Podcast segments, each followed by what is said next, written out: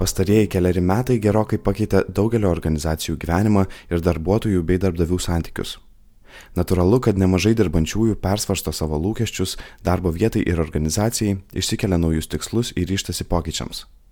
Koks šiuo metu vyraujantis santykis tarp darbuotojo ir darbdavio, bei kaip jis galėtų keistis ateityje.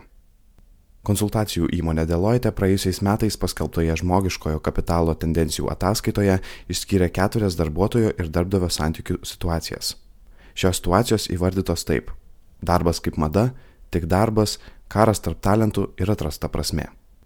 Žinoma, konkrečią situaciją lemia įvairios aplinkybės darbo rinkoje, kurios priklauso ne vieno darbdavio ar darbuotojo, bet ir valstybės įgyvendinamų priemonių. Vis dėlto galėdami pažvelgti per kiekvienos iš šių situacijų prizmę, galime geriau suprasti savo lūkesčius darbui ir darbdaviui. Žvelgiant į praėjusius metus, atrodo, kad didelė Lietuvos darbo rinkos dalis gyvena darbas kaip mada situacijoje. Darbuotojų trūksta, o darbdaviai visais būdais stengiasi juos pritraukti.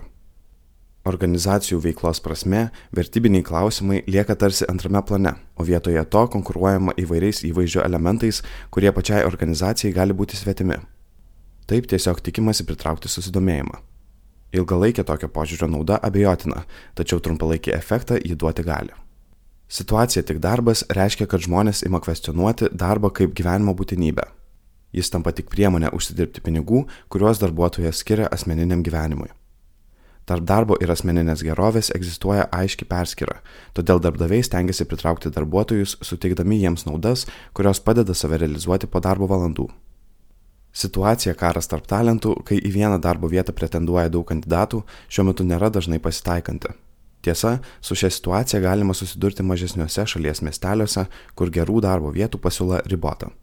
Ji taip pat išiškėja atėjus ekonomikos sunkmečiui. Tuomet tarp kandidatų atsiranda natūrali konkurencija ir darbdaviams atrodo, kad darbuotojai lengvai pakeičiami. Todėl darbdaviai nesistengia pakankamai investuoti į darbuotojus ir plėtoti tvirtesnio ryšio. Ketvirtoji situacija atrasta prasme prilyksta ko ne idealioms aplinkybėms, kai darbuotojų ir darbdavių santykių pagrindas yra didesnis tikslas nei gaunamas atlyginimas ar uždirbamas pelnas, o organizacija yra suinteresuota siekti ir gerų veiklos rezultatų ir prisidėti prie visuomeniai aktualių klausimų sprendimo. Turbūt visi matome, kad šis aspektas įvairių pasaulinių iššūkių kontekste tampa vis svarbesnis. Neverta tikėtis, kad ateityje darbuotojų ir darbdavių santykiai vystysis tik viena kryptimi Skirtingi verslo sektoriai, laikmečiai ir kitos aplinkybės lems įvairias situacijas. Svarbu galvoti apie tai, kaip bet kurioje situacijoje šios santykius būtų galima subalansuoti. Situacijoje darbas kaip mada įmonės turėtų galvoti apie savo vertybinę ašį, ką reiškia būti gerų darbdavių, kurios yra ilgalaikės organizacijos vertybės ir strateginė kryptis. Vadovai su darbuotojais turėtų kalbėtis apie tai, kas ir kodėl organizacijoje yra svarbu, bei nebandyti aklai kopijuoti kiekvienos madingos iniciatyvos. Pavyzdžiui, Svetbank esame savo įvardinę, kad norime kurti tokią organizaciją, kurioje žmonės jaustų psichologinį saugumą. Todėl nuosekliai kuriame psichikos veikatos palaikymo sistemą organizacijoje ir matome sugrįžtančius žmonės, kurie pabuvę kitose organizacijose sako, kad čia jaučiasi geriausiai. Svarstant apie tik darbo situaciją, įmonėms vertėtų atsakyti į klausimą, kaip suteikti darbui prasme.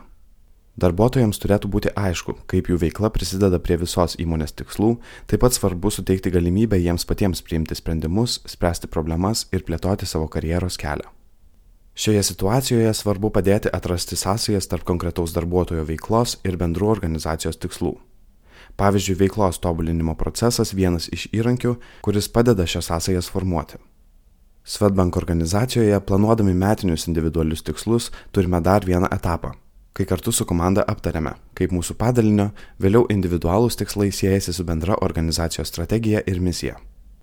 Gali pasirodyti, kad situacijoje karas tarp talentų darbdaviui nieko papildomai daryti nereikia, nes darbuotojų galima lengvai pritraukti. Tačiau reikia turėti omenyje darbuotojų persikvalifikavimo aspektą. Galbūt žmogus šiuo metu neturi tam tikrai darbo pozicijai reikalingų kompetencijų, tačiau jis gali išmokti kažką, ką bus galima pritaikyti ateityje, taip pat nešant naudos tiek darbdaviui, tiek pačiam darbuotojui. Darbuotojų persikvalifikavimas šiame kompetencijų trūkumo laikmetyje yra labai svarbus. Šiais metais Svetbank pilotuosime keletą iniciatyvų, kuriomis kviesime darbuotojus įgyti naujų kompetencijų ir tokiu būdu užauginti save į kitas pozicijas organizacijoje. Tokiu būdu laimime visi žmogus įgauna naujų kompetencijų, augina savo konkurencingumą rinkoje, o organizacija turi galimybę užpildyti pozicijas ten, kur kompetencijų trūksta labiausiai. Atrastos prasmės situacija turbūt daugeliui dar tik siekėmybė. Tačiau prasmingas darbas gali dažnai nusverti finansinius argumentus ir kitus įvaizdinius darbdavio pranašumus. Kai darbuotojas žino, kad jo kuriama vertė ir naudinga jam pačiam ir organizacijai ir atneša tam tikrą naudą ir visuomeniai, tuomet nereikia ieškoti būdų, kaip motivuoti ir įtraukti darbuotojus. Tvarių santykių tarp darbuotojo ir darbdavio kūrimui reikalingas abiejų pusių indėlis.